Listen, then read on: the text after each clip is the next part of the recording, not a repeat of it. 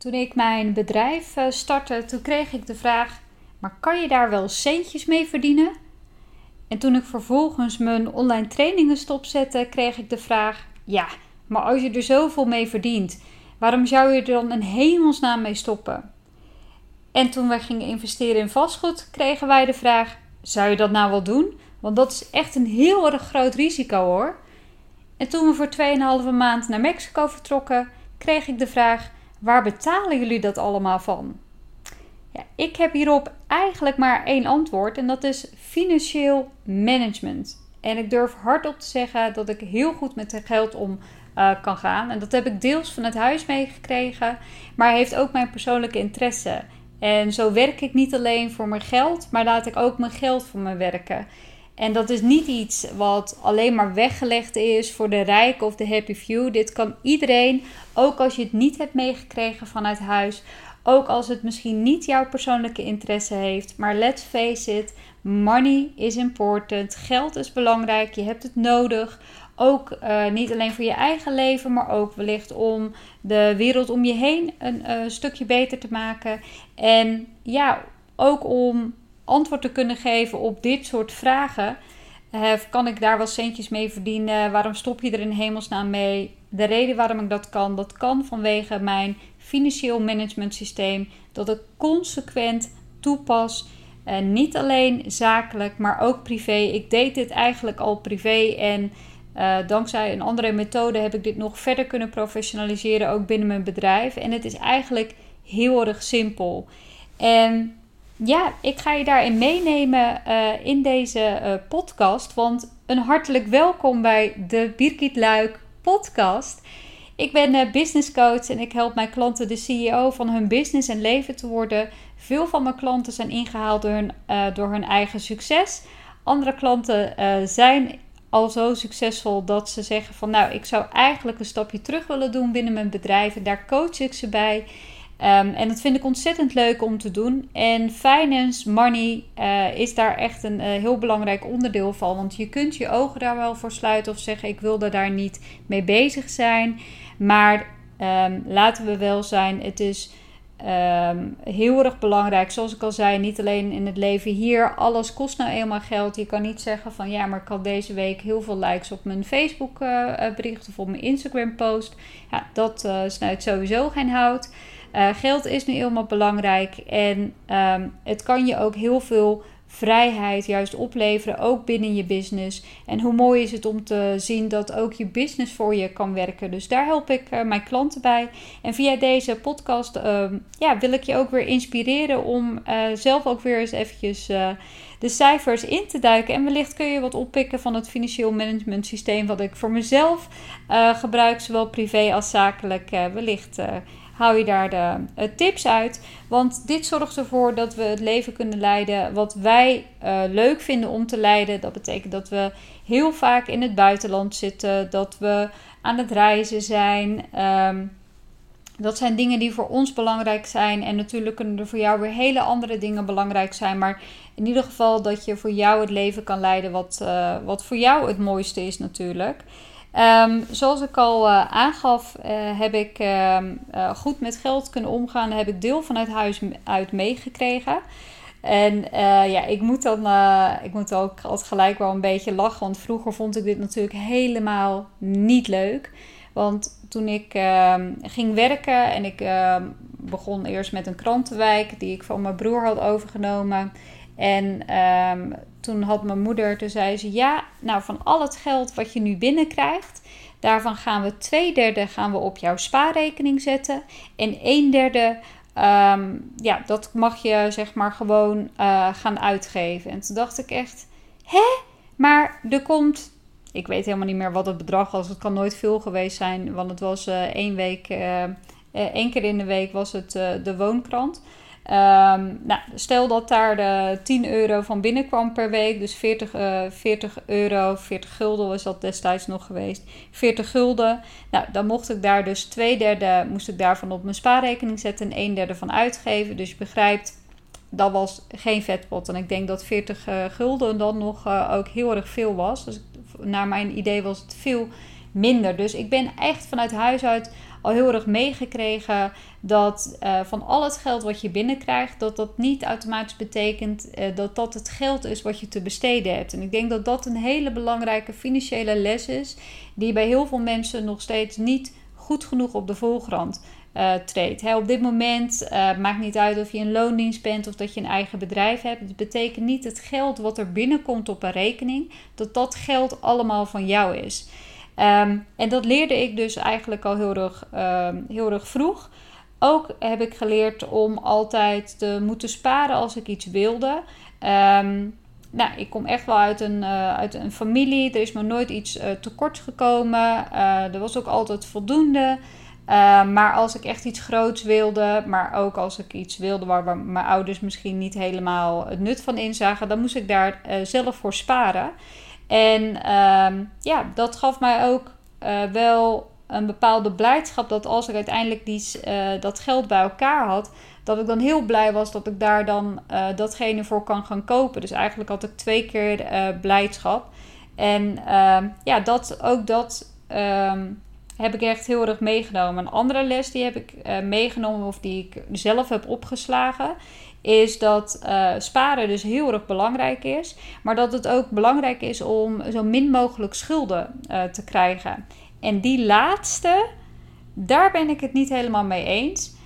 Um, zeker ook niet gezien ons hele vastgoedavontuur, want daarmee uh, hebben we natuurlijk ook juist heel veel schulden. Maar die schulden uh, stellen ons in staat om huizen te verhuren, zodat uh, de verhuurders natuurlijk ook weer de schulden kunnen betalen. En dat daar nog een hele grote marge bovenop zit voor reserveringen, maar ook bijvoorbeeld natuurlijk zodat we daar zelf van kunnen leven. Dus um, die laatste regel die vind ik niet helemaal van toepassing. Maar waar ik wel heel erg blij mee ben, is dat ik wel uh, dat sparen heb meegekregen. En nu denk je misschien, ja, weet je, sparen anno uh, 2022. Ik weet niet hoor, maar dat heeft toch niet meer zo heel veel zin.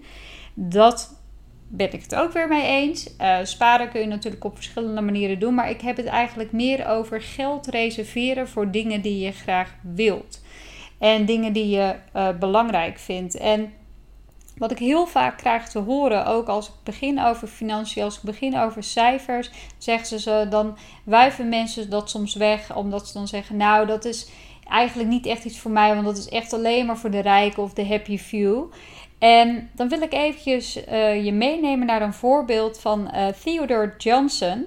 Um, dit is een uh, verhaal wat al heel erg oud is. Maar die desbetreffende man die werkte voor de UPS. En die verdiende nooit meer dan 14.000 dollar per jaar.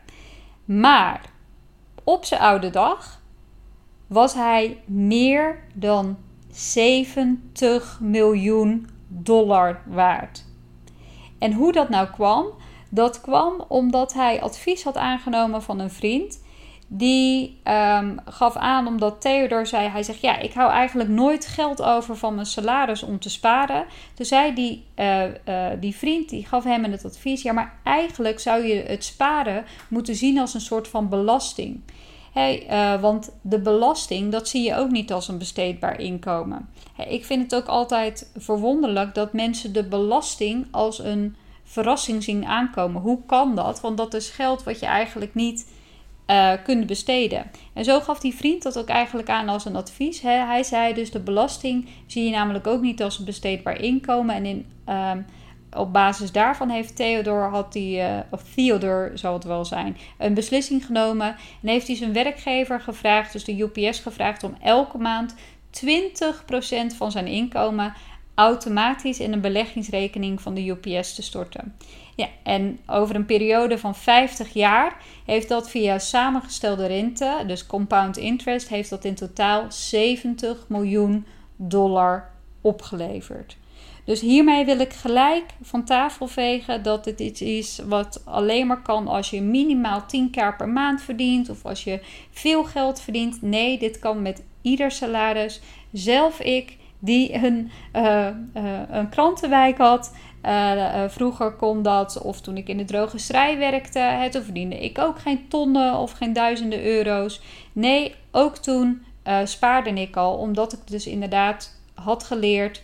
je zet direct van dat geld, zet je direct geld opzij. Nou, Theodore die had het dus gevraagd aan zijn baas om direct vanaf zijn salaris dat te storten naar een beleggingsrekening. Eh, daar valt natuurlijk ook weer wel wat over te zeggen, want dat is natuurlijk een vrij risicovolle manier van beleggen. Zeker ook omdat al je uh, eieren in één mandje zitten, omdat hij enkel en alleen in het bedrijf investeerde waar hij werkte, in dit geval UPS. Nu is dat bedrijf heel erg goed gegaan. Maar goed, dat had natuurlijk ook anders uh, kunnen gaan. Maar dat is weer een onderwerp voor wellicht een andere podcast. Spreid je windkansen uh, over hoe je tegen beleggingen en investeringen in crypto, vastgoed en dergelijke fondsen aan kan kijken of uh, aandelen. Um, maar een belangrijke regel die je hiervan dus mee kan nemen is: als je dus gaat kijken naar wat er binnenkomt op je rekening, zorg ervoor. En ook als je boeken leest, zoals The Richest Man of Babylon, een dikke aanrader trouwens, dan wordt er ook gezegd als je gewoon altijd zorgt dat 10% van het geld wat er binnenkomt op je rekening, als je die 10% apart zet en je doet dat iedere maand opnieuw. En wellicht het liefst eigenlijk automatisch, zodat je er ook geen omkijken naar hebt. Dan zul je dus door het rente op rente effect, zelfs als je spaart, maar ook als je dus gaat beleggen of iets dergelijks, dan zal dat ja, door die rente op rente wordt dat, kan dat dus echt een gigantisch bedrag worden. Dus um, dat is ook een, uh, een van de belangrijkste regels eigenlijk van mijn financieel management systeem. Dus ook voor privé. En je kunt het eigenlijk een beetje vergelijken met wat er vroeger uh, veel werd gedaan toen er nog niet uh, sprake was van de bankpasjes. Want ik denk wel dat door het automatische betalingsverkeer en doordat we alles binnenkrijgen online, dat het veel minder overzichtelijk is dan dat je vroeger uh, contant uh, geld in huis had. Stel, ik ga even van makkelijke bedragen uit. Stel dat je 1000 euro per maand had. En dan werd dat voor een gezin werd dat verdeeld over verschillende potjes. Er werd zoveel um, verdeeld, misschien als reserve. Dat kunnen we dan eigenlijk zien als het sparen. Dus laten we zeggen dat dat 10% is. Dat er 50 of dat er 40% daarvan uh, is uh, voor leefgeld, dus voor de boodschappen. Uh, een andere 40% is misschien om de huur of de hypotheek weer te betalen. En dan hebben we nog natuurlijk een, reststukje. nou, datzelfde systeem, dat is eigenlijk het systeem wat ik zelf ook hanteer. En vandaar dat ik eigenlijk zei: het is heel simpel, heel overzichtelijk en heel snel te realiseren. En je kunt het zelfs automatiseren als je er helemaal geen. Um, omkijken naar wilt hebben. Dus wat doe je nu? Dus het geld wat je binnenkrijgt, dan ga je dus eigenlijk zeggen: oké, dat is 100% wat ik binnenkrijg, wat ik ontvang. Um, maar dan wil ik 10% wil ik, uh, opzij zetten om te investeren uh, of slash te sparen.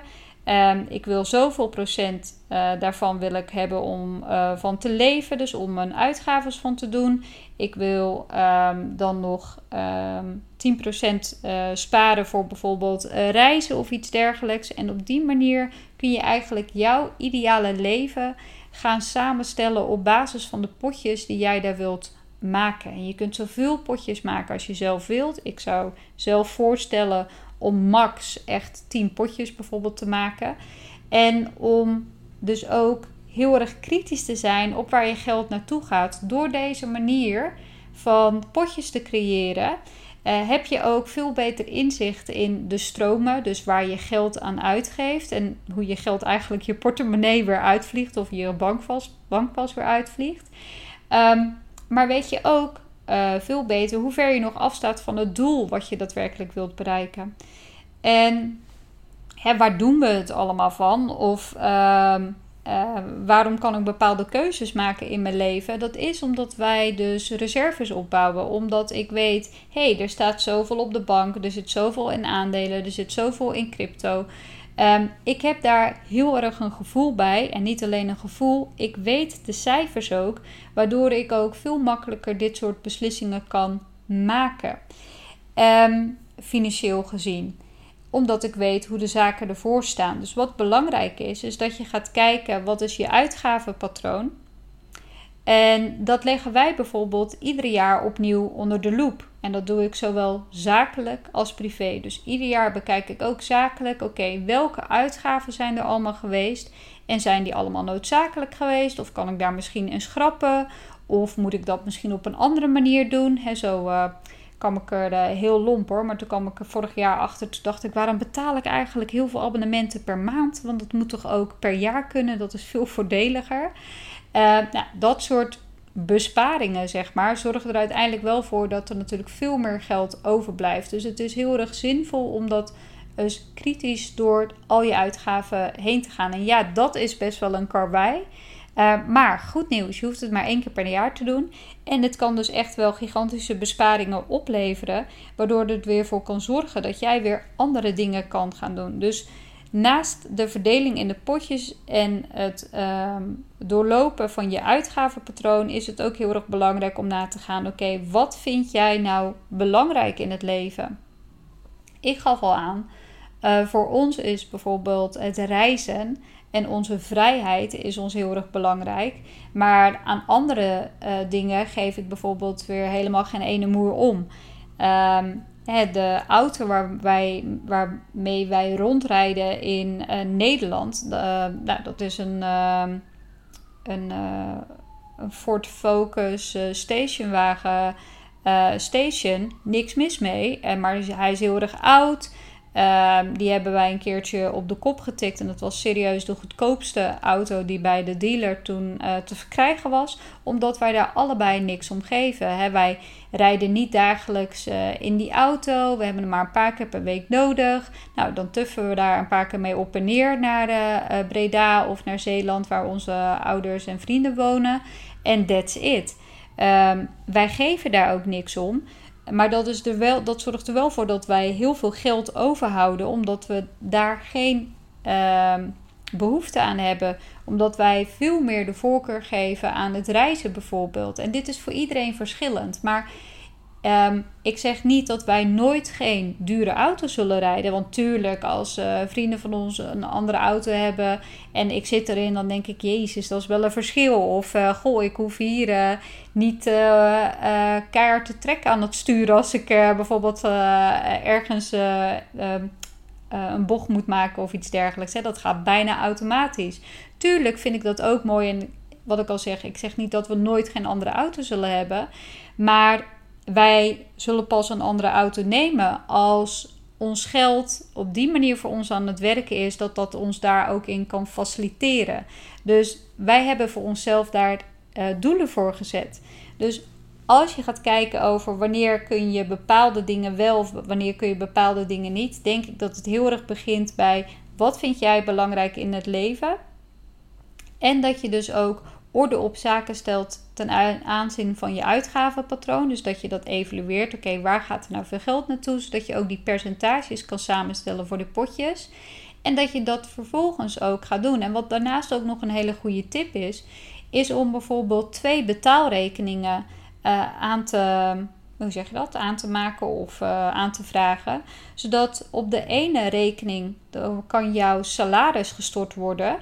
Uh, en dat uh, vanaf daar, dat is eigenlijk je ontvangstrekening, vanaf daar ga je alles verdelen over de potjes. En dan gaat er dus ook een, uh, een potje huishoudgeld bijvoorbeeld. Of hè, wij, hebben, wij hebben bijvoorbeeld ook een gezamenlijke betaalrekening, Mark en ik. Hè, dat is echt maar ons boodschappengeld. Uh, daarvan gaan we ook uit eten.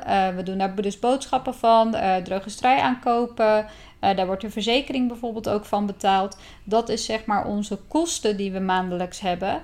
En um, dat heeft dus een aparte ook betaalpas. Als daar geen geld meer op staat, ja, dan kunnen we dus de uitgaven niet meer doen.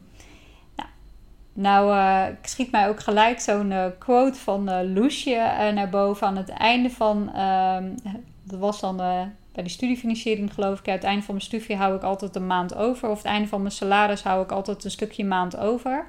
Ja, dat is iets wat als je ehm, goed inzicht hebt in je financiën. Dus als je weet hoeveel je kunt uitgeven. Dan kun je ook zien of je bepaalde uitgaven wel of niet kunt maken. En of je wellicht daar eventjes mee moet wachten. Um, en dat gaat je heel erg helpen zonder dat je nou als een of andere uh, ontzettende vrek uh, alle aanbiedingen, folders uh, hoeft door te spitten of iets dergelijks. Want dat krijgen mensen dan heel vaak gelijk als een soort van doemscenario naar boven. Kijk, als je dat wel leuk vindt om te doen, helemaal niks mis mee. Blijf dat zeker doen. Ehm, ik zeg alleen, een financieel management systeem is iets wat voor jou moet werken. Is iets wat jou inzicht geeft en wat ervoor zorgt dat jij de dingen kunt doen in jouw leven die jij belangrijk vindt. En ik gaf net al aan, dit is eigenlijk hoe wij het uh, privé uh, regelen. Dus wij hebben gewoon onze verdeelsleutels met die percentages, zodat het naar verschillende potjes gaan. Maar hetzelfde pas, pas, pas ik eigenlijk toe via de Profit First methode. En dat is echt wel een dikke aanrader van een boek om te lezen, mocht je daar nog niet mee bekend zijn. Daar wordt dit hele potjes gebeuren ook nog in uitgelegd, zodat je dit ook voor je bedrijf kan implementeren. En dit is niet alleen iets voor ZZP'ers of voor alleen maar voor freelancers. Nee, dus dit is ook voor alle ondernemersvormen. Dus of je nou een VOF hebt of een BV of iets dergelijks. Ook dan kun je de Profit First methode toepassen. En ehm, dat is ook hetgeen waar ik het heel vaak missie ga bij ondernemers. Uh, heel veel ondernemers die um, ingehaald zijn, bijvoorbeeld door hun eigen succes, die uh, daar uh, een ommezwaai maar gaan maken, die hun bedrijf gaan opschalen of die gaan groeien. Die groeien niet zozeer kapot aan um, de extra omzet, et cetera, die ze, die ze binnenhalen, uiteraard niet. Maar die groeien kapot vanwege cashflow problemen, omdat ze het niet kunnen voorfinancieren of omdat ze uh, daar niet genoeg voor gereserveerd hebben. En met zo'n profit first methode kun je dat eigenlijk al heel vroeg in de kiem smeren. Want je weet exact hoe je ervoor staat. En je bouwt dus ook reserves op binnen je bedrijf. En ik denk dat dat voor een ondernemer heel erg belangrijk is. Maar eigenlijk ook voor iedereen om reserves op te bouwen. want ook als je werknemer bent, kun je ontslagen worden. En is het gewoon fijn dat je altijd voor minimaal drie tot zes maanden cash achter de hand hebt, zodat je niet gelijk uh, in de volle paniek hoeft te vliegen van oeh, nu heb ik geen geld, want ik ben ontslagen of uh, mijn bedrijf loopt niet lekker of ik wil eigenlijk wat anders doen. Dan heb je dus drie tot zes maanden de tijd om het roer om te gaan gooien. Dus gun jezelf dat ook. Dus dat is Um, heel erg belangrijk. Dus ook met die uh, Profit First methode. Ja, wat gebeurt er daarmee? En ik zal het eventjes heel kort uitleggen. Dus op het moment dat je uh, producten, diensten verkoopt, uh, je hebt nieuwe klanten, nou, dan komt de omzet, dan komt bijvoorbeeld inclusief de BTW, die wordt dan natuurlijk op jouw rekening uitgekeerd. Maar zoals ik al zeg, dat is inclusief BTW. Dus daar zit um, ehm, 21% of afhankelijk van de producten, diensten die je aanbiedt, hoe hoog dat percentage natuurlijk is. Maar die 21% dat gaat dus gelijk al naar een apart potje toe. Nou, voor de rest blijft er dan dus nog 100% eigenlijk op dat uh, dingen staan. Want eigenlijk het geld wat uitgekeerd aan jou, moet je zien als um, 121%. Dus 21% zeg je direct apart voor je belasting. Vervolgens ga je ook je bedrag voor de uh, inkomstenbelasting en voor de zorgverzekeringswet ga je gelijk uh, apart zetten. Dus ook daar heb je een specifiek percentage. En dat kan voor iedereen verschillend zijn, want dat is natuurlijk van je omzet en je winstcijfers afhankelijk. Um, dat is eventjes te uitgebreid om hier nu uh, op, dieper op in te gaan. Maar ook dat is een specifiek percentage. Ook dat zet je apart. Vervolgens heb je een percentage wat je reserveert voor je kosten. Je hebt een percentage wat je reserveert voor je kluis, dat is je reserve. En je hebt een percentage wat je reserveert voor je winst. En je hebt een percentage wat je reserveert voor je salaris. En die laatste die wil ik er nu eventjes uitlichten, want ook dat is natuurlijk onderdeel van het totale systeem, het salaris. Het is dus niet zo dat als jij um, deze maand uh, voor 2000 euro voor, nou, even makkelijke bedragen, voor 1000 euro aan uh, producten en diensten verkocht hebt, dat dat jouw salaris is. Want zoals ik al heb laten, of zoals ik al heb verteld, ik wilde zeggen zien, maar jullie zien mij helemaal niet, ik zit het ook allemaal uit te beelden. Maar wat ik heb verteld is dat het natuurlijk allemaal over die verschillende potjes gaat. Dus uh, voor jou waar je van kan leven, dat is je salaris. Maar je salaris, dat mag je ook alleen maar uitbetalen wanneer er, bij profiteurs in ieder geval, wanneer er ook voldoende in dat potje zit. Dus stel dat jij voor jezelf hebt opgezet, hé, hey, ik wil um, ehm, 5000 euro per maand, uh, wil ik, uh, dat kan ieder bedrag zijn wat jij wil, hè, 5000 euro per maand salaris. En de Profit First methode is zo ingestoken dat je twee keer per maand deze verdeling doet over de potjes. En um, Dat je dus ook twee keer per maand, als het goed is, in uh, salaris krijgt uitbetaald. Maar stel nou dat jij 5000 euro per maand in totaal wil uitbetalen. En uh, dat betekent dus dat dat uh, bij ieder verdeelmoment 2500 euro zal zijn. Hè, als je dat deelt door twee. maar op het moment van verdelen. Um, kijk jij op je salarisrekening en daar staat geen 2500 euro, maar er staat 2000 euro. Ja, wat doe je dan? dan is het dus de bedoeling dat je die 2000 euro laat staan, omdat je op dit moment niet voldoende financiële middelen hebt om jezelf dat salaris te kunnen uit, uh, uitdienen. En ik denk, ja, dat is ook wat. Um, hallo, ik heb toch gewerkt? Ja, je hebt zeker gewerkt, maar je bent een ondernemer en je bent geen werknemer als er op dit moment niet voldoende uh, cash zit in jouw salarisrekening, dan zul je extra aan de bak moeten. Dus dat zorgt er ook voor dat je je doelen uh, weer gaat behalen. En dat vind ik dus echt een heel mooi, het mooie ook weer aan, aan dit systeem. Dus dat je ook uh, kritisch bent en ook je ondernemer in jezelf aanspreekt. Zo van oké, als ik dat dus als doel heb, dan zal ik er ook voor moeten zorgen dat het, uh, dat het binnenkomt. Dus nee, als er geen 2500 euro op die salarisrekening staat, dan kan ik dat mezelf niet uitbetalen. En op die manier um, ja, gaat het systeem ook voor jou werken en werk jij ook voor het systeem.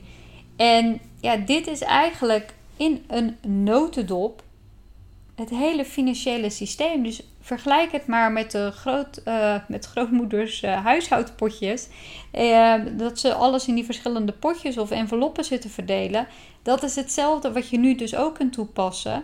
En ik denk dat het juist heel erg belangrijk is om dat inzichtelijk te halen. Dus begin met het leven wat je graag wilt leiden, wat jij belangrijk vindt. Of bepaalde dingen misschien nu al essentieel zijn, of dat het wellicht op een latere leeftijd. dan refereer ik bij onszelf heel eventjes aan die auto.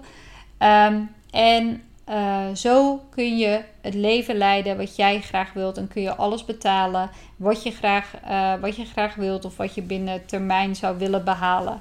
Dus ja, je, geen excuses meer. Ik zou zeggen, ga ermee, ga ermee aan de slag.